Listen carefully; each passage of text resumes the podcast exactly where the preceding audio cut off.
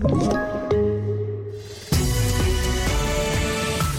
Fortsatt kraftig brand i höghus i Gävle. Familjehemmet fick vårdnaden, tvååriga Mio kan slippa utvisning och elev stacks med återanvänd spruta. Ja, här är TV4-nyheterna som börjar med att det brinner fortfarande kraftigt i ett höghus på Öster i Gävle och det finns risk för att delar av byggnaden ska rasa.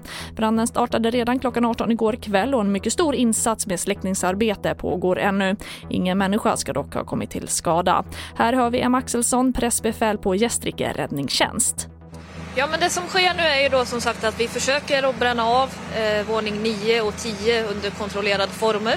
Eh, så att vi har personal uppe i både höjdfordon och eh, kranbil eh, för att kunna hålla nere intensiteten på branden så att det kan brinna av i en, i en lugn takt.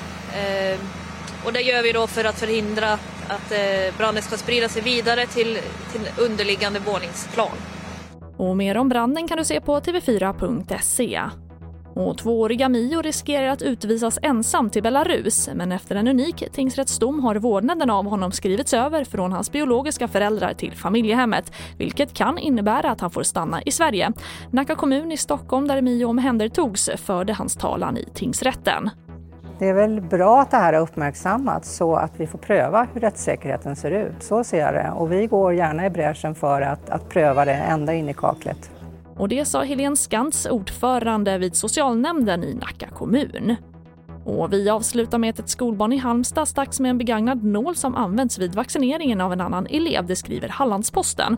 Eleverna skulle vaccineras med så kallat MPR-vaccin mot mässling på sjuka och röda hund.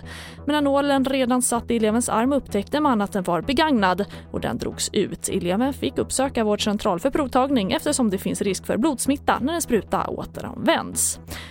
Och det får avsluta den här sändningen. Fler nyheter det hittar du alltid i vår app TV4 Nyheterna. Jag heter Charlotte Hemgren.